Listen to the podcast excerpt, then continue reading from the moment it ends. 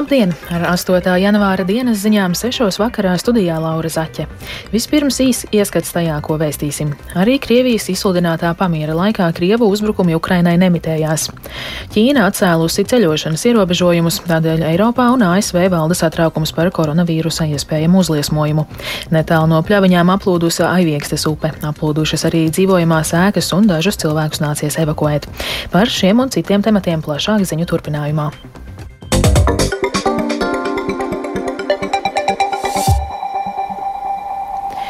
Lielbritānijas militārais izlūkdienests uzskata, ka Krievija šobrīd gatavojas Ukrainas armijas iespējamam uzbrukumam Luhanskā un Zaporižjā. Par to liecina pastiprināta nocietinājumu veidošana šajos apgabalos.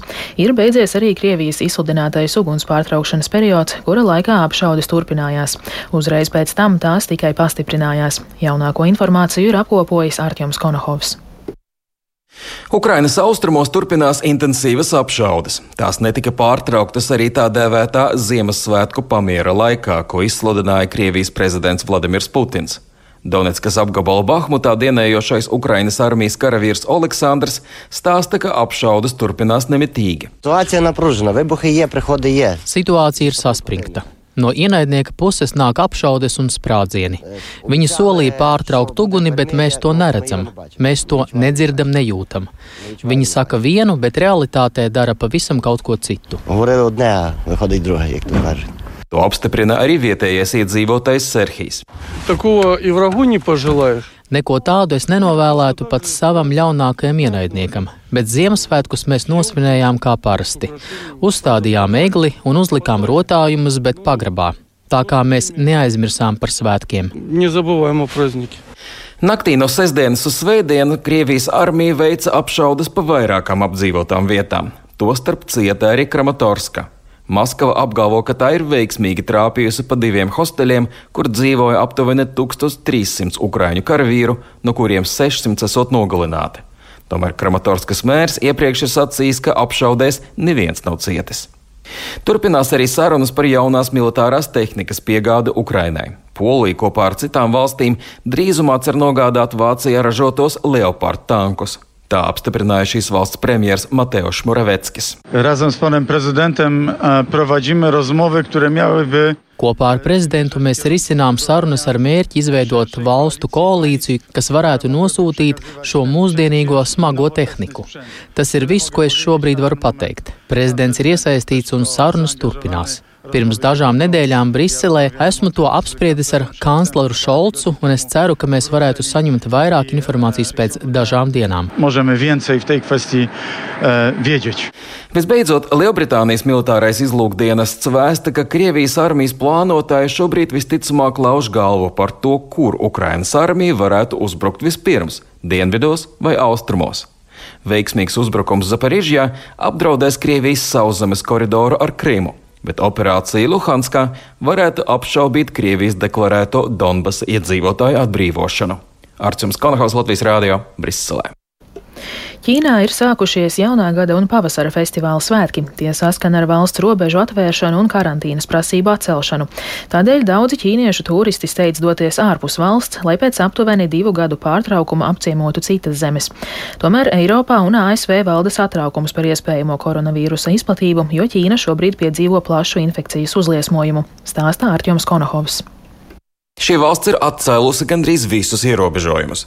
Izmantojot šo brīdi, kā arī ķīniešu jaunā gada brīvdienas, daudzi dodas ilgi gaidītajos ceļojumos. Arī Briselē sestdien nolaidās lidmašīna no Ķīnas, tomēr Beļģija, tāpat kā citas Eiropas Savienības valstis, tagad lūdz ceļotājiem no Ķīnas uzrādīt negatīvu Covid-19 testu. Beļģijas sabiedriskās raidorganizācijas aptaujātie pasažieri par to nebija pārāk satraukti. weird, but I, I, I don't care. Tas ir nedaudz jocīgi, bet mani tas nesatrauc. It's fine. I think it's fine. Tas ir pieņemami, tas ir tiešām pieņemami. Tas ir vajadzīgs drošībai. Es varu to saprast.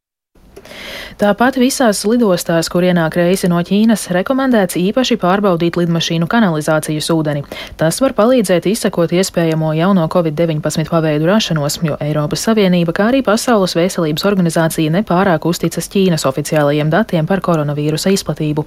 Briseles lidostas preses sekretāre Natālija Pierāra stāsta, ka no Ķīnas reisiem kanalizācijas ūdeni atsūknē īpaši sagatavotā mašīnā. Protams, ka lidostā kanalizācijas ūdens tiek izpumpēts no visām lidmašīnām. Vienīgā atšķirība ir tajā, ka mēs parasti izpumpējam kanalizācijas ūdeni no vairākām lidmašīnām vienā asenizācijas mašīnā. Bet šajā gadījumā mums vajadzīga atsevišķa asenizācijas mašīna, kas tiek tīrīta un dezinficēta pirms un pēc katra izbraukuma un ņem ūdeni tikai no vienas lidmašīnas. Tomēr nebūt ne visas valstis ir piesardzīgas pret ķīniešu turistiem. Tādas valstis kā Taizeme ar nepacietību gaida ķīniešu pieplūdumu. Viņi to saredz kā iespēju pātrināt valsts ekonomikas atgūšanos no krīzes.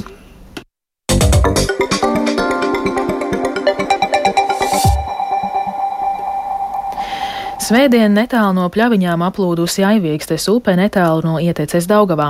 Šajā apvidū arī aplūdušas dzīvojamās mājas. Līdz šim ugunsdzēsēji glābēji vienreiz arī steigušies evakuēt cilvēkus. Tā stāsta valsts ugunsdzēsības un glābšanas dienesta pārstāve Ilze Dāme Birziņa.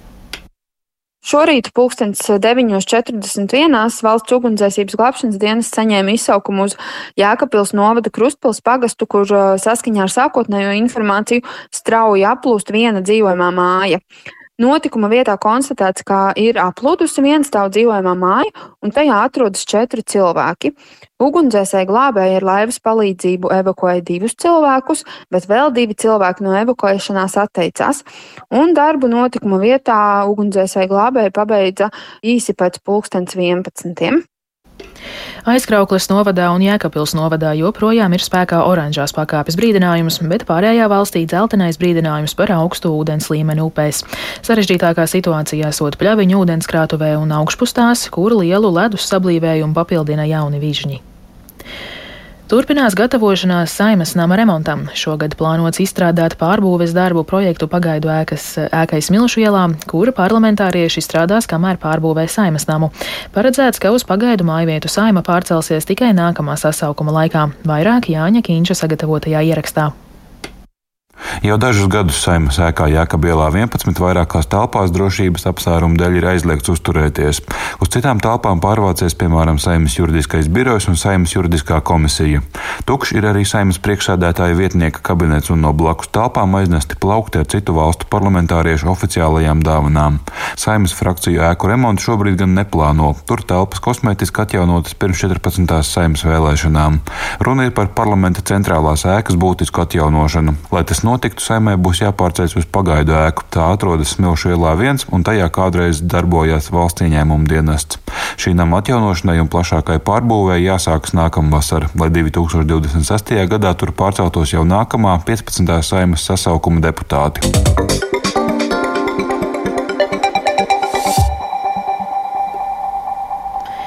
Neveiksmīgi noslēdzies Baltijas kausa turnīrs Latvijas handbola izlasē. Spēlē par trešo vietu mājinieki nespēja gūt vairāk par 15 vārtiem un piedzīvoja zaudējumu Lietuvas izlasē. Tiesa gan Latvija spēlēja ar gados jaunu spēlētāju sastāvu, kas gan neataisno piedzīvoto zaudējumu. Turnīra noslēdzošajā Latvijas spēlē pabija Lotārs Zariņš. Neveiksmīgs sniegums pret Igauniju pirmajā spēlē, bet vēl sliktāks turnīra nobeigums pret lietuviešiem. Baltijas kausa izcīņu Latvija noslēdza pēdējā ceturtajā vietā. Maču par bronzu labāk iesāka Lietuvas izlase. Pirmā puslaika pirmajās desmit minūtēs abas komandas turēja līdzīgu tempu. Pie nešķirta rezultātu 5 pret 5 vairāk atraisījās kaimiņi no Lietuvas. Latvija nespēja gūt vārtus 12 minūtes. Uzreiz pēc pieprasītā minūtes pārtraukuma mainieki atkal raidīja bumbu viesu vārtos, panākot 6-11. Taču spēles turpinājumā uzbrukums neuzlabojās un pirmais puslaiks noslēdzās ar Latvijas zaudējumu 8-14. Turpina izlases spēlētājs Emīls Kurzemnieks. Uzbrukums uzskat bija ļoti slikts, bija kļūdas, atkal sasteigts. Mēs kā, tāpat kā vakar, pirmās desmit minūtes spējām ļoti labi iesākt, un tad mēs, mums ir ļoti liels kritums. Sakal, diemžēl jāstrādā un jāstrādā, un arī pieredze jākrāj no komandas. Mēs joprojām esam jauni. Analizēsim, sapratīsim kaut ko, un spriež būs labāk. Viens, ko spēlē Latvijā, kāds līmenis, un ka tev nāk profesionāli spēlētāji pretī, tas pavisam pilnīgi kas cits. Un to mēs visi varam izpildīt, ka dažreiz sanāk, dažreiz ne, bet tam vajadzīgi treniņi, treniņi, treniņi, jo mēs esam tikai pāris treniņus kopā aizdījuši un tikai treniņi, ko varam pateikt. Pirmajā puslaikā Latvijai grūtības sagādāja Lietuvas aizsardzības vaļņa pārvarēšana. Vairākas reizes lietuvieši ar augumu pārsvaru neļāva tik līdz metienu pozīcijai. Latvijas handbolistam arī piekliboja precizitāte. Otro puslaiku labāk iesāka tieši Latvijas komanda, no iespējas atgriezties spēlē neļāva vairāk metienu pa vārtu stabiem vai arī garām tiem. Beigās zaudējums ar 15 pret 24. Treneris Arnolds Straume apstiprina, ka šobrīd Latvija ir vājākā starp trim Baltijas valstīm. Nu, jā, uz doto brīdi, jā, viennozīmīgi mēs redzējām redzējām paši. Tur nav ko slēpt, bet mēs jau nebijām labākā sastāvā. Gan jau ar Leišu nebija, Igauni nebija. Mēs īstenībā pārbaudījām ļoti daudz spēlētājus pēc tam. Un es domāju, mums svarīgākās spēles martā ir. Un tagad treneri ir pasčos visus spēlētājus. Varbūt kādam vajadzēja būt, kādam nevajadzēja būt. Mums tur bija diskusijas par kādu, bet uz martu jāpieņem lēmums ir un viss. Vairāk atkāpšanās ceļa nav. Mums ir serbu un spāņu treneris un tās sistēmas ļoti īsti nu, nav tik vienkāršas. Liekas, ka mēs tur kaut ko uz laukuma ne tā darām, bet mēs skatījāmies video, analizējam, un viņi vēl nav visu sapratuši. Grūti jau tā atnākt vienkārši. Tomēr cita mentalitāte arī citi uzdevumi, un kamēr iespēlēsies. Un nav tā, ka vienā dienā var uzreiz komandu izveidot. Tā kā nu, nav nekāda problēma. Arī Latvijas Handbola federācijas ģenerālsekretāre Līga Bīriņa norādīja, ka šīs spēles bija domātas, lai pārbaudītu jaunos spēlētājus. Galvenais mērķis gan šim, gan arī Čehijas spēlēm mums ir izmēģināt pēc iespējas vairāk spēlētājus, saprast, kam spēlētāji ir gatavi, iesaistīt jaunos spēlētājus, lai viņi apzinās, kāds tas līmenis ir, kur spēlē jau daudz spēcīgākas komandas varbūt nekā vietējā čempionātā. Līdz ar to būtisks aspekts ir tāds, ka komanda cīnījās. Līdz ar to tas iekšējais gars noteikti bija gana jaudīgs. Un, uh, varēja redzēt, ka spēlētāji grib spēlēt pat līdz pēdējai minūtei, arī pie rezultātu, kad ir zaudējums. Martā Latvijas handbola izlasē paredzēts divas spēles pret Itālijas izlase Eiropas čempionāta kvalifikācijas turnīrā. Savā apakšgrupā Latvijai ir zaudējums abās spēlēs, ieņemot pēdējo vietu tabulā. Augstāk ir Itālijas valstsienība, kurai arī ir divi zaudējumi, bet labāka gūto un ielaisto vārtu attiecība. Spēļu nozīmīgumu uzsver arī izlases spēlētājs Emīls Kurzemnieks. Bija ļoti daudz pozitīvas lietas, izspēles un aizsardzībā. Katru reizi pietrūkst tā stabilitāte, kas ir ļoti svarīga šajā sporta veidā un vispār sportā kā tādā, un arī šādai jaunai komandai. Bet nu, mums tagad martā ļoti svarīgas spēles, un es ļoti ceru, ka mēs ņemsim tikai to labāko. Jā, mums ļoti svarīgs tas ir, jo mēs būtu pēc iespējas augstāk pēc tam rangā. Ar Itālijas izlasi noteikti treneri sniegs vērtīgu informāciju pēc šīm nu jau četrām spēlēm, iepriekšējā nedēļā skaitot. Sīvā fināla cīņā Baltijas kausa rezultātu 31 pret 29 ieguva Somijas izlase. Lotārs Zariņš, Latvijas Rādio.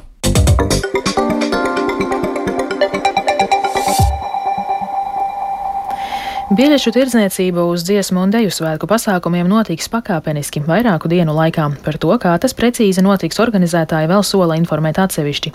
Dziesmu un deju svētku izpildu direktore Daina Markova Latvijas radio atzina, ka pasākuma rīkotāji vēloties izvairīties no tāda pircēju pieplūduma un tirdzniecības serveru slodzes, kāda pieredzēta iepriekš. Nu, skaidrs ir arī tas, ka uz svētku noslēgumu lielajām programmām tas pieprasījums būs ļoti liels un ka visi pie biļetēm netiks. Tas, ko mēs varam darīt, arī esam iestrādājuši šajā biļešu tirdzniecības pakalpojumu iepirkuma dokumentācijā, pieprasot lielākas serveru jaudas tieši paredzot šādus gadījumus. Mēs ceram arī, ka tehnoloģijas tomēr ir gājušas uz priekšu, salīdzinoši ar iepriekšējo gadu. Uzskatām par svarīgu, lai arī tad, ja ir ļoti liels pieplūdums tajā konkrētajā biļešu iegādes brīdī, lai pircējs ir informēts par to, kas notiek. Ar to izskan 8. janvāra dienas ziņas. Producents Viktors Pupiks ierakstus montēja Uldis Grīnbergs, pieskaņu pults Mārtiņš Paeglis, bet studijā Laura Zaķe. Noslēgumā par svarīgāko Lielbritānijas militārais izlūkdienests uzskata, ka Krievija šobrīd gatavojas Ukrainas armijas iespējamam uzbrukumam Luhanskā un Zaporižjā. Ķīna atcēlusi ceļošanas ierobežojumus, tādēļ Eiropā un ASV valda satraukums par koronavīrusu iespējamu uzliesmojumu. Latvijā joprojām spēkā brīdinājumi par augstu ūdens līmeni upēs. Yeah. Gaisa temperatūra Rīgā šobrīd ir mīnus 3 grādi un pūš dienvidu austrumu vējš 7 m2. Atmosfēras spiediens 765 mm, relatīvais gaisa mitrums 84%. Rītdien būs apmācies, brīžiem sniegs, vietām arī sasalstošs lietus, tādēļ ceļi būs slideni. Pūtīs mērens dienvidu austrumu, dienvidu vējš un gaisa temperatūra mīnus 5 plus 2 grādu robežās. Rīgā būs mākoņains, mīk pa laikam nedaudz sniegs un iespējams sasalstošs lietus, būs slidenas ietves un brauktuves. Putīs mērens dienvidu austrumu dienvidu vējš un gaisa temperatūra naktī - mīnus 4, mīnus 3 grādi, dienā ap nulli. Laika prognoze otrā labvēlīga.